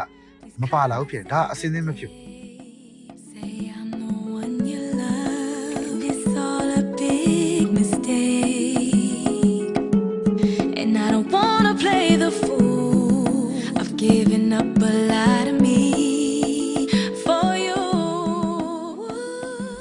တကယ်တမ်းကျမတို့ကိတ်မုံလှီးမဲ့အချိန်မှာစင်ပေါ်မှာကျမတို့အားလုံးကရောက်နေပြီပရိသတ်တွေကလည်းကျမတို့တွေကိုအာယုံစိုက်ပြီးကြည်နေကြပြီ အဲ့ဒီအချိန်မှာကျမတို့မှာပျောက်နေတာကကိတ်မုံလှီးတဲ့ဓားလေးပေါ့နော်ဟိုခစ်ကဒါကိတ်မုံလှီးတဲ့ဓားဆိုတာကညာတော့ဖြင့်ကော့အမာလေးတွေနဲ့လှုပ်ထားတဲ့တန်လျက်ပုံလေးတွေပေါ့ဒီကိတ်မုံလှီးတဲ့ဓားကိုဘယ်သူကဘယ်နေရာမှာများထားခဲ့လေတော့မသိဘူးကျမတို့ရှာမတွေ့ဘူးစင်မောကနေလှမ်းတောင်းဖို့လည်းအဆင်မပြေတော့ဘူးအဲ့တော့နောက်ဆုံးအနားမှာကိတ်မုံလှီးပြီးရင်ကျမတို့အပြန်အလှန်ခွန်ဖို့အတွက်ပကံလေးနဲ့ဇွန်းလေးနဲ့ချပေးထားတာရှိတယ် အဲ့တော့ကျမတို့စုံတွဲနဲ့အရန်အဖြစ်ကျမရဲ့မတ်အငယ်ဆုံးလေးကလုပ်ပြီးတယ်ဆရာဦးအောင်ကိုမြင့်ရဲ့ညီအငယ်ဆုံးလေးပေါ့နော်အဲ့တော့သူရဲ့ကျမတို့ဟိုမင်္ဂလာဂိတ်လှီးပြီးချီးမြှင့်ဖို့အတွက်ရောက်လာတဲ့ဒေါက်တာစုံမိုးအောင်တို့ဇနီးမောင်နှံရဲ့အားလုံးပေါင်းပြီးတော့ဒီဇွန်လေးတစ်ချောင်းကိုကင်ပြီးတော့ပဲကျမတို့မင်္ဂလာဂိတ်ကိုလှီးလိုက်ရပါတယ် ကျမတို့လှီးလိုက်တဲ့အချိန်ကိုတော့အားလုံးကလက်ခုပ်တီးကြတယ်ဒါပေမဲ့ကျမတို့ရဲ့မျက်နှာတွေမှာပြုံးနေကြတာကကျမတို့ဇွန်နဲ့လှီးလိုက်တာဖြစ်တယ်ဒါလေးကလည်းအမှတ်တရပါပဲအလွဲတွေတဲကမှအလွဲတစ်ခုပေါ့နော် No, I don't believe it. How could you erase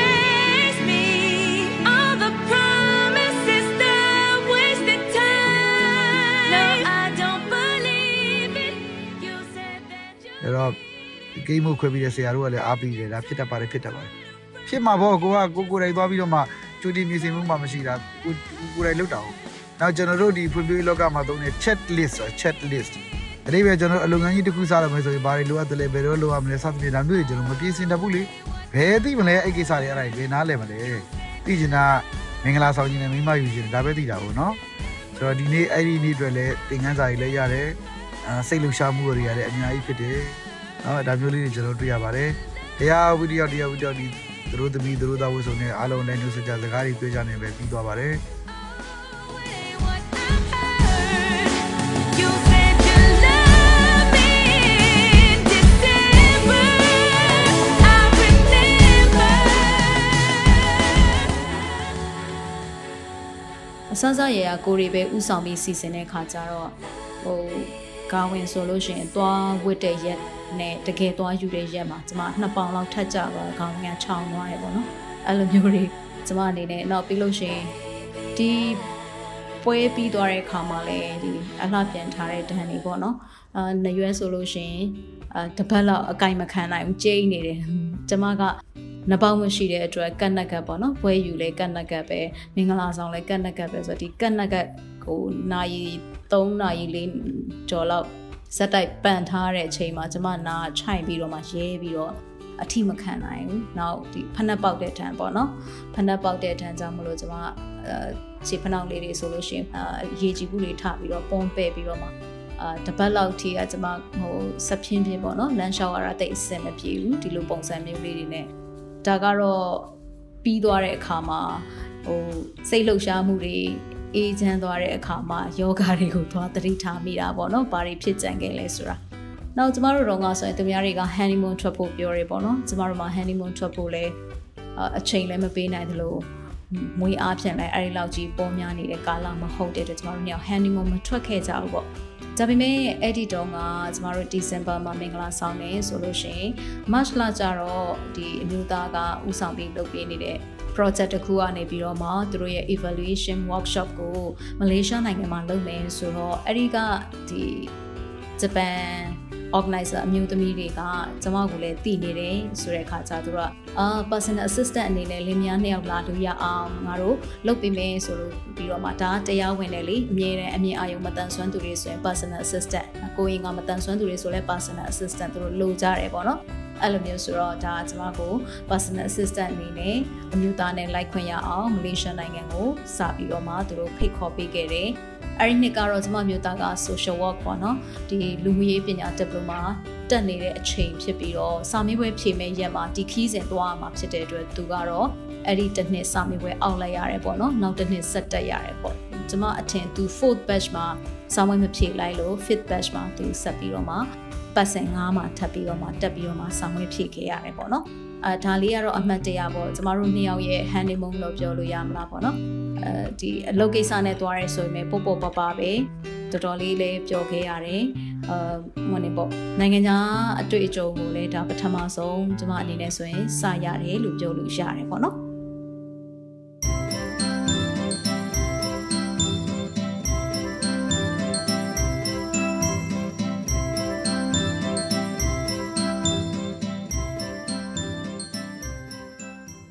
ကျေးဇူးတင်ကြကောင်းပြီးတော့မှဒီနေ့ဒီအဲအမှတ်ရနေတယ်ဘာတွေအမှတ်ရတယ်လဲဆိုတော့သင်ခန်းစာအနေနဲ့လည်းအမှတ်ရတာရှိတယ်ရေကုန်းစရာတွေအနေနဲ့လည်းအမှတ်ရတာရှိတယ်အဲစဉ်းစားစရာနဲ့စဉ်းကျင်စရာတွေအနေနဲ့လည်းအမှတ်ရရာတွေရှိပါတယ်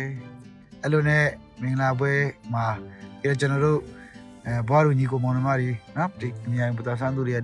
ဒီကောနော်အမြန်ပတာဆန်းနဲ့အဲတချင်းဆိုဝါဒနာပါတယ်လို့ပေါ်ဆောင်ပဲတချို့ကတချင်းဆိုပြီးတော့ပျော်ပြကြတာပေါ့နော်အဲ့ဒီမှာလည်း ဒုတိယပိုင်းအခန်းနဲ့အစီအစဉ်တွေပြီးသွားပါတယ်အဲ့တော့အဆဆရဝိုင်းဝန်းပြီးတော့ဆောင်ရွက်ပေးကြတဲ့သူတွေကကျေးဇူးတင်တယ်ကျေးဇူးတင်ရမယ့်သူတွေဖြစ်တယ်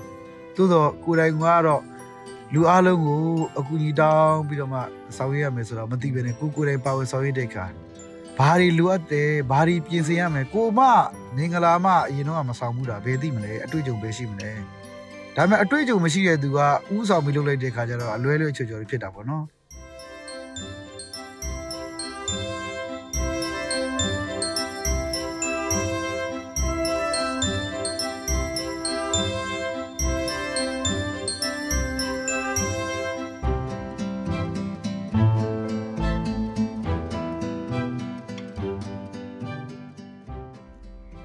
နောက်ပြီးလို့ရှိရင်ကျမတို့မင်္ဂလာဆောင်မှာငကိုတွေကကျမစိတ်အားအထက်တန်ဆုံးထည့်ချင်နေတာတခုကတော့အမြင့်အာယုံမတန်ဆွမ်းသူတွေရဲ့ music band ဖြစ်ပါတယ်အဲ့ဒီတုန်းကတော့ဆရာကိုအောင်နိုင်ထွန်းကနေပြီးတော့မှဦးဆောင်ပြီးတော့ကျမတို့ကိုတီဆိုတီမှုတ်ဖြော်ပြပေးခဲ့ကြတယ်။နောက်ကျမတို့ကိုမင်္ဂလာတခြင်းချီးမြှင့်တဲ့ဆရာမတွေလည်းရှိပါတယ်။ဒီမင်္ဂလာတခြင်းကိုကျမအကြိုက်ဆုံး from this moment ဆိုတဲ့တခြင်းလေးကိုကျမကိုချီးမြှင့်ခဲ့တဲ့ ဆရာမလည်းရှိပါတယ်။အာသူတို့တွေကိုလည်းကျမကျေးဇူးတင်တယ်ပေါ့နော်။အဲ့တော့မင်္ဂလာပွဲတစ်ခုကိုမင်္ဂလာရှိဖို့အတွက်အဖက်ဖက်ကနေဝိုင်းဝန်းပြီးတော့မှလှုပ်ပေးကြတဲ့ဒီခွဲချက်မြင့်မြင့်ကျောင်းဘက်ကဆရာဆရာမတွေမင်္ဂလာကျေးဇူးတင်စကားကိုတော့မှဘယ်လိုပြောတင်လဲဆိုတာမျိုးကိုလမ်းညွှန်ပြသပေးခဲ့ကြတဲ့ဆရာဆရာမတွေကိုယ်တိုင်စင်မွန်တက်ပြီးတော့မှဆူတောင်းပေးခဲ့ကြတဲ့ဆရာဆရာမတွေ ဆင်အောက်ကနေပြီးတော့မှမထင်မရှားနေရာတွေကနေကြာရခန္ဓာတွေမှာစေတနာထက်ထက်တန်တန်နဲ့ပါဝင်ကူညီပေးခဲ့ကြတဲ့သူတွေနောက်ပြီးတော့ကိုရီရဲ့သားသမီးလေးတွေကိုဒီမှာမင်္ဂလာပွဲမှာလက်စွပ်ကိုင်းဖို့ပန်းချင်းလေးတွေကိုင်းဖို့စသဖြင့်ဒီလိုမျိုးပါဝင်ပြီးတော့မှအသုံးတော်ခံဖို့အတွက်စေလွတ်ပေးခဲ့ကြတဲ့မိမိဖေဖေတွေနဲ့ပါဝင်ခဲ့ကြတဲ့တားငယ်သမီးငယ်တွေကိုလည်းအရန်ကျေးဇူးတင်တယ်။အာ ပြီးလို့ရှိရင်လည်းဒီကလေးတွေကအခုချိန်မှာဆိုရင်အပြိုလူပြိုကြီးတွေဖြစ်ကုန်ကြပါပြီပေါ့နော်။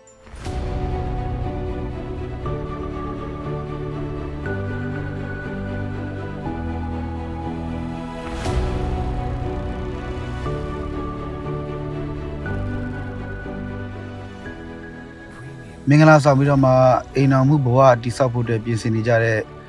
ညီကောင်မောင်နှမများကိုလည်းအားပေးခြင်းပါတယ်အဓိကကျွန်တော်တို့ အိမ်အောင်မိသားစုတိဆောက်မယ်ဆိုရင်ဝင်လေးဝင်နဲ့ပြည့်စုံဖို့လိုပါတယ်ပထမဝင်ခြင်းကတော့ကျွန်တော်တို့တရားဝင်ဖို့လိုပါတယ်နော်တရားဘယ်လိုဝင်မလဲဆိုလို့ရှိရင်လက်ရှိတည်ဆဲဥပဒေနဲ့အညီကျွန်တော်တို့ထိမြန်လက်ထပ်ကြဖို့လိုပါတယ်ဘုရားဘာသာဝင်လားခရစ်ယာန်ဘာသာဝင်လားအခြားသောဘာသာဝင်လား ဤသည့်ဘာသာဝင်မဆိုသက်ဆိုင်ရာဘာသာဒလိထုံသန်းအစဉ်အလာအတိုင်းကျွန်တော်တို့ဆောင်ရွက်ကြဖို့လိုပါတယ်เนาะ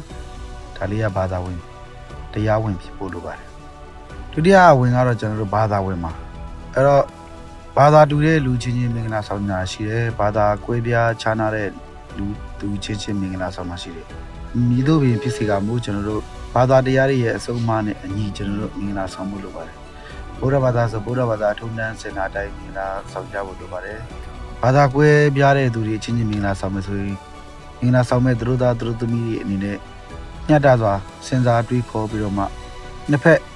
ညီမျှတဲ့အစဉ်ပြေမဲ့နီလန်းနေနဲ့ကျွန်တော်တို့နှစ်ဖက်သောဘာသာတရားတွေရဲ့စိုးစိုးမအောင်မှာမင်္ဂလာဆောင်ကြဖို့လိုပါတယ်။လူရဝင်ဖို့ပါတတရားကတော့လူရဝင်တယ်ဆိုတာကတော့ကျွန်တော်တို့ဟိုဟိုတယ်တွေဟာလာဇိမ်ကအကောင်းစားဟိုတယ်ကြီးတွေမှာကြီးကြီးကျယ်ကျယ်မင်္ဂလာဆောင်မှလူရဝင်တာမဟုတ်ပါဘူးအဓိကကျွန်တော်တို့ခင်မင်းရင်းနှီးရတဲ့မိတ်ဆွေတွေ အာကျွန်တော်ဗမာလူမျိုးတွေရဲ့ထုံးတဲ့အစင်လာဆိုရင်အရှိခုနှစ်ရင်နောက်ခုနှစ်ရင်သိရင်တရားဝင်တယ်ဆိုတဲ့စကားအတိုင်းပဲကျွန်တော်တို့လီစားကြည်ညိုရတဲ့ပုံကိုယ်တွေဒီလူတွေပါပြီးတော့မှကျွန်တော်တို့မင်္ဂလာဆောင်တာလည်းလူရဝင်တာပါပဲလို့နော်ဆိုတော့လူရဝင်မှုလိုပါတယ်နောက်ဆုံးဝင်ခြင်းကတော့မေတ္တာသက်ဝင်မှုလိုပါတယ်အမှန်တကယ်မင်္ဂလာဆောင်ကြမဲ့သူတို့သားလောင်သူတို့သမီးလောင်တွေကတုံးနဲ့တူမေတ္တာသက်ဝင်မှုရှိဖြစ်ဖို့လိုပါတယ်မေတ္တာသက်ဝင်မှုရှိမှသာလျှင် အိမ်တော်ကတည်မြဲမှာပါမင်္ဂလာဆောင်တဲ့အစီအစဉ်လေးရတကယ်တော့ဘယ်တော့ကြာမှလဲဗျာတနားရီခွဲနှစ်နာရီသုံးနာရီပေါ့ဒါပေမဲ့ကျွန်တော်တို့သွားပဲခရီးလမ်းကဘဝတစ်လျှောက်လုံးလေဘဝတစ်လျှောက်လုံးမှာအဲ့တော့ဘာသာတရားတွေရဲ့အဆုံးမဆူဆုံးမမှုနဲ့အညီကျွန်တော်တို့တယောက်နဲ့တယောက်ဖေးမှပြီးတော့မှချစ်ချင်းမြတ်တာနဲ့ရစ်ပတ်ပြီးတော့မှအသက်တာတွေတိဆောက်ကြရမယ့်အချိန်မှာမင်္ဂလာဆောင်တဲ့အချိန်လေးတစ်နာရီခွဲနှစ်နာရီကပျော်ရွှင်ကြည်နူးပြီးတော့ကျန်တဲ့အချိန်တွေကစိတ်ဆင်းရဲစရာတွေနဲ့ ရင်ဆိုင်ကြုံတွေ့နေရမယ်ဆိုရင်ဘယ်တော့မှဒီပြမရှိပါဘူး။ဒါကြောင့်ဒါလေးကိုစဉ်းစားပြီးတော့မှဘဝတစ်လျှောက်လုံးအရေးကြီးတဲ့မေတ္တာသက်ဝင်မှုဆိုတာအနည်းငယ်များယော့ပါလို့မဖြစ်တဲ့ကိစ္စပါ။ဒါလေးကိုဝင်လေးဝင်နဲ့စဉ်းစားရင်အဓိပ္ပာယ်ရှိတဲ့မင်္ဂလာဆောင်ခြင်းဖြစ်ပါလိမ့်မယ်လို့ယုံကြည်မျှော်လင့်နဲ့ဒါလေးကတော့မျှဝေတာပါနော်။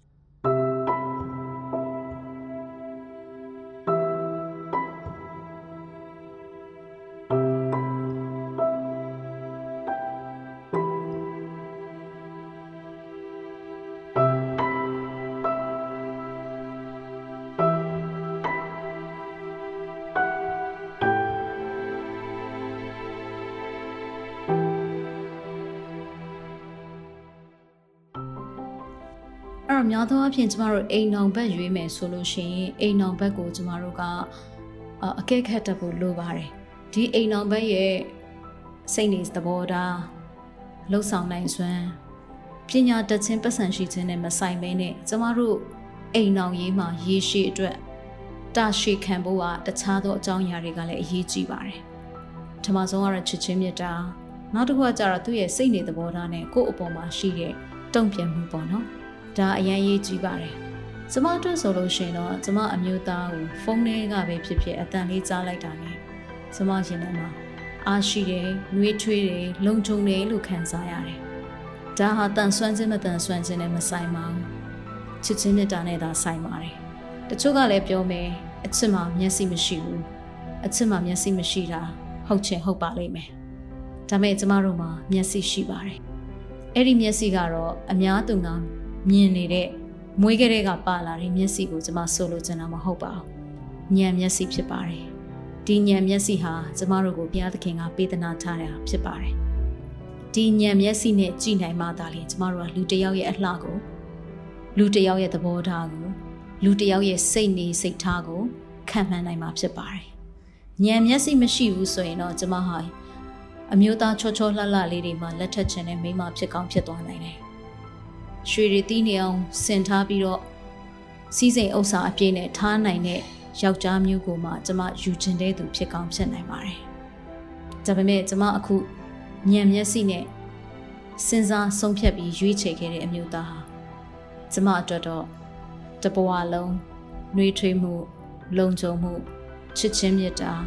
ဥဆောင်လမ်းပြမှုအရာရာကိုသူ့တောင်းလေးနဲ့သူ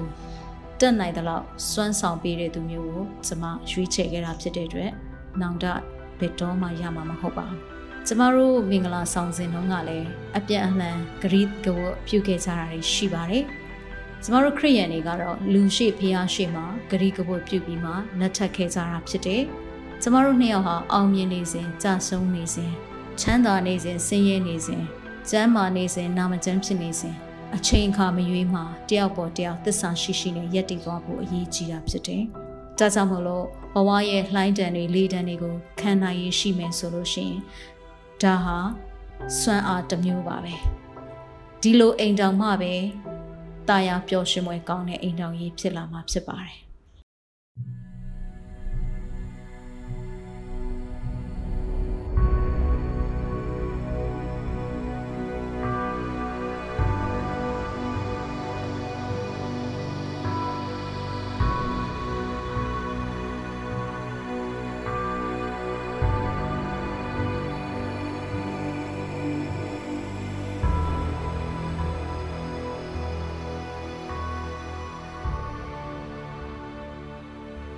င်္ဂလာအမှုကိုပြုတယ်ဆိုတာ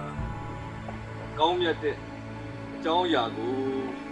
စီစဉ်ဆောင်ရွက်ခြင်းဖြစ်ပါတယ်။အမှားစကားမှာအချိန်နဲ့အခါဆိုတာရှိပါတယ်။အချိန်ရောက်တော့လည်းပဲ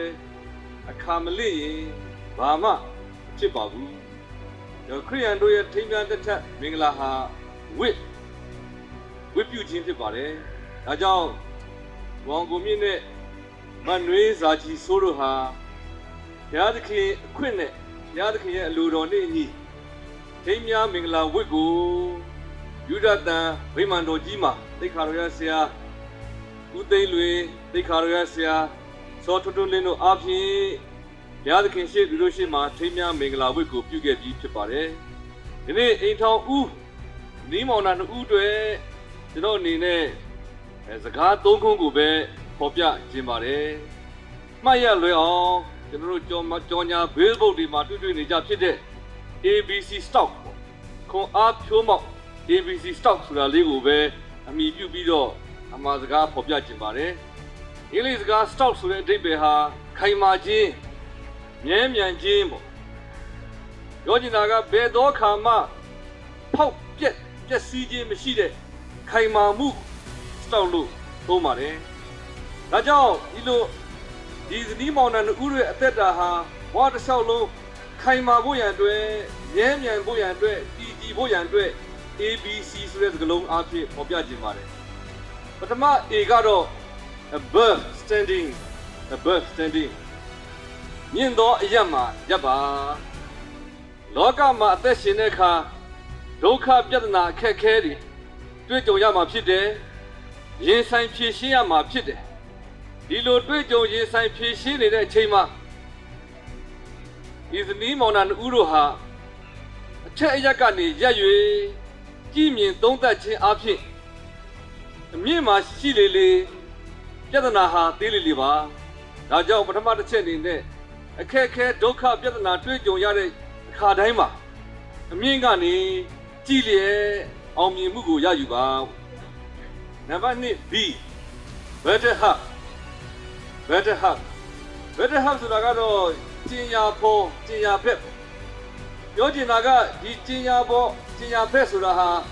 ဘဝတစ်လျှောက်လုံးအတွက်ဖြစ်ပါတယ်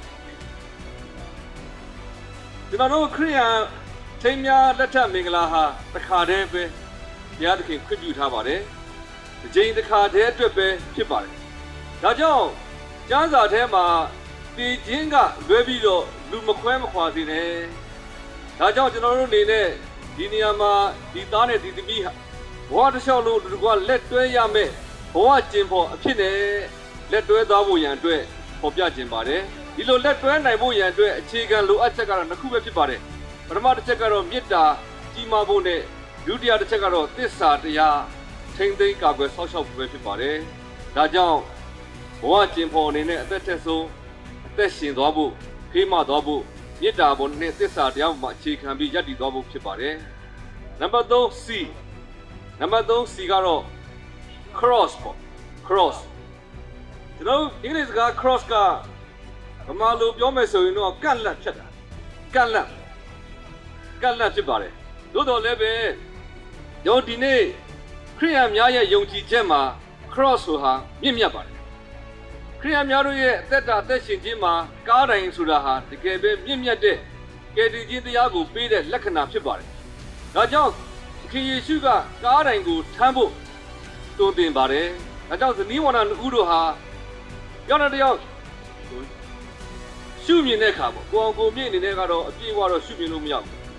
တယောက်နဲ့တယောက်လက်တွဲတဲ့အခါမှာအဟန့်တာအနောက်ရှက်မဟုတ်ဘဲနဲ့တယောက်ကိုတယောက်ထမ်းရမဲ့ဝင်ဖြစ်တယ် ထမ်းရမဲ့ဝင်ဖြစ်တယ်ဒီလိုထမ်းရဖို့ရန်အတွက်လည်းဘုရားသခင်ကထမ်းဖို့တင်ထားခြင်းဖြစ်တယ်ဆိုတာကိုခံယူလျက်ဤသားနဲ့ဤသမီးတို့ဟာအသက်ထက်ဆုံးအနောက်ရှက်အဟန့်တာလို့မမြင်ဘဲဘုရားသခင်ကငါတို့ကိုအခွင့်နဲ့ထမ်းဖို့ရန်ဖြစ်တဲ့ထမ်းဖို့အဖြစ်နဲ့အသက်ထက်ဆုံးတူးနဲ့ဝင်ကိုတူးထမ်းသွားဖို့ရန်အတွက်ပေါ်ပြခြင်းပါတယ်ဒီကုန်းချုပ်အနေနဲ့ဘုရားသခင်လူတော်မရှိရင်ဘာမှမဖြစ်နိုင်ပါဘူးဘုရားသခင်အခွင့်မရှိရင် ဘာမှမဖြစ်နိုင်ပါဘူးဒါကြောင့်ဘုရားသခင်အလိုတော်ရှိ၍ဘုရားသခင်အခွင့်ရှိသောကြောင့်ဂရိတာအောင်ကိုမြင့်နဲ့ဂရိသမီးနွေးစာကြီးဆိုးတို့ဟာဒီနေ့ထိမ်းများမင်္ဂလာဝတ်ကိုပြုပြီးသည့်နောက်ထိမ်းများမင်္ဂလာအခမ်းခြင်းအစီအစဉ်ကိုပြုနိုင်ရခြင်းဟာဒါမင်္ဂလာဖြစ်ပါတယ်ဒီမင်္ဂလာအမှုကိုအသက်ထက်ဆုံးဆောင်ရွက်နိုင်ဖို့ရန်အတွက်ပေါ်ပြလိုပါတယ်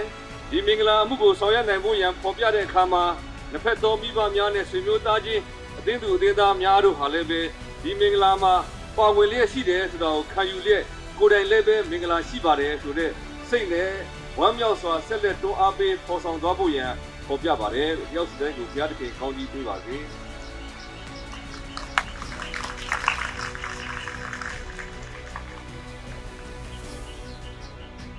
မင်္ဂလာဩဝါဒစကားပြောကြားပေးသွားပါတော့။ညာနိုင်ငံခရစ်ယာန်အသင်းတော်များကောင်စီအထွေထွေမူ သိက္ခာရရဆရာဆောရွှေလင်းကိုထူတဲ့ကျေးဇူးတင်ပါတယ်။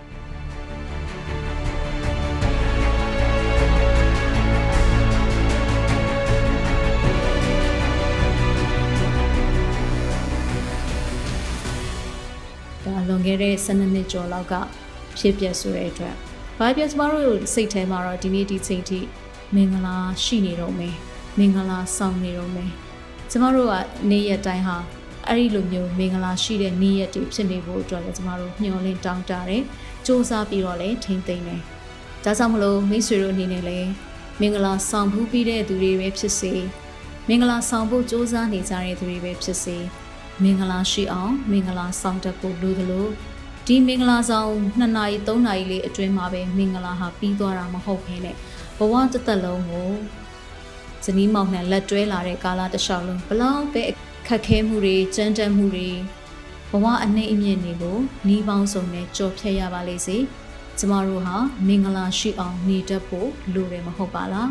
ဒါကြောင့်မို့လို့မင်္ဂလာရှိအောင်မင်္ဂလာဆောင်တတ်တော်သူများဖြစ်ပါစေလို့ကျမအနေနဲ့အားလုံးကိုဆုတောင်းပေးလိုက်ပါတယ်